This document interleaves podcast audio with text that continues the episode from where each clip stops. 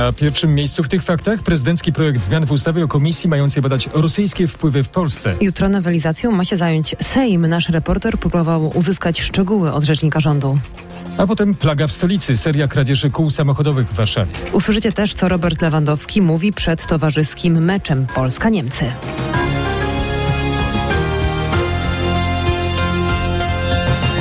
Sejm zajmie się jutro prezydenckim projektem nowelizacji tzw.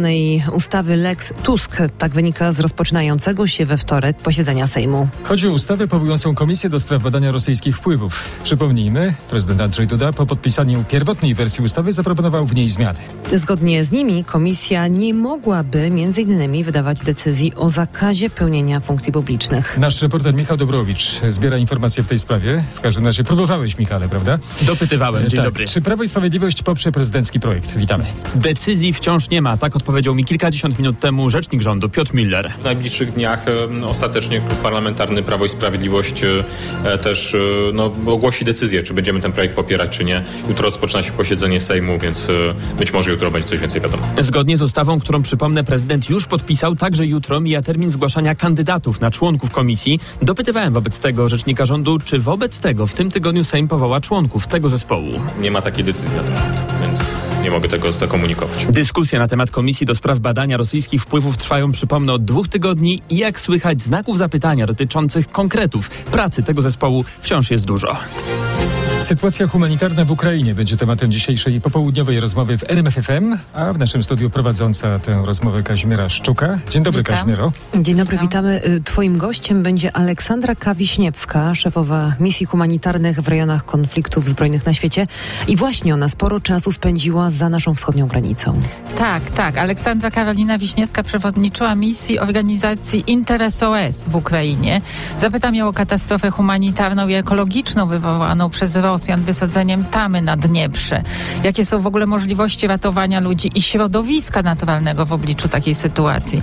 Z moją gościnią porozmawiam też o krajowej polityce. Ale e, Aleksandra Kawiśniewska chce działać na rzecz demokracji w Polsce teraz. Przede wszystkim oddziałując na ludzi młodych, bo sama ma 29 lat. Zapytam ją zatem, czego młodzi ludzie mogą oczekiwać od polityków dziś. Zapraszam tuż po 18. Fakty z Mazowsza. O serii kradzieży kół samochodowych alarmują w ostatnich dniach mieszkańcy Warszawy.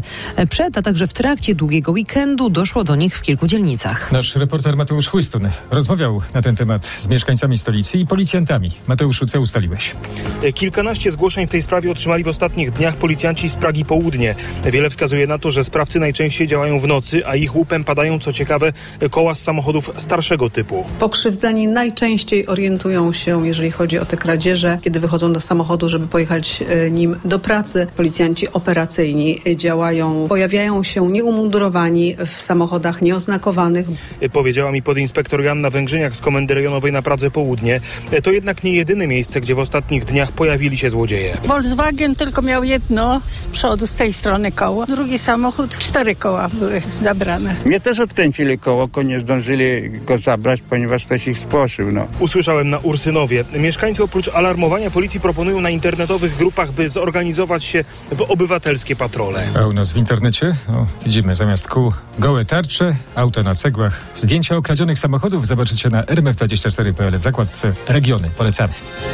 To mecz towarzyski, ale też prestiżowy. Tak o piątkowym starciu z reprezentacją Niemiec mówił Robert Lewandowski. E, Kapitan naszej reprezentacji właśnie powinien rozpoczynać trening na bocznym boisku Stadionu Warszawskiej Legii.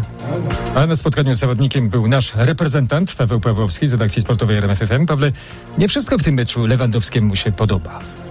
Oczywiście Robert Lewandowski, który chce unikać kontrowersji, mówi o takich rzeczach między wierszami. Dzisiaj poniekąd przyznał rację Fernando Santoszowi, któremu organizacja meczu towarzyskiego przed starciem w eliminacjach no, nie za bardzo przypadła do gustu. Myślę, że timing, jeśli chodzi o, o trenera, o to ile tak naprawdę miał jednostek treningowych, to powoduje pewne trudności do, do przygotowania się do tego kolejnego meczu eliminacyjnego. Lewandowski dodał, że do meczów na Narodowym, zwłaszcza z takim przeciwnikiem jak Niemcy, podchodzi zawsze z sentymentem, jednak, jak sam zaznaczył, o występie zawodników z pierwszego składu, w kontekście oczywiście ważnego meczu z Mołdawią, powinien decydować rozsądek. Kasiu, przypomnimy słuchaczom timing tego Mhm, meczu. Pierwszy gwizdek, tak, w tym towarzyskim meczu Polska-Niemcy w piątek o 20.45. Radio, muzyka, fakty. RMF FM.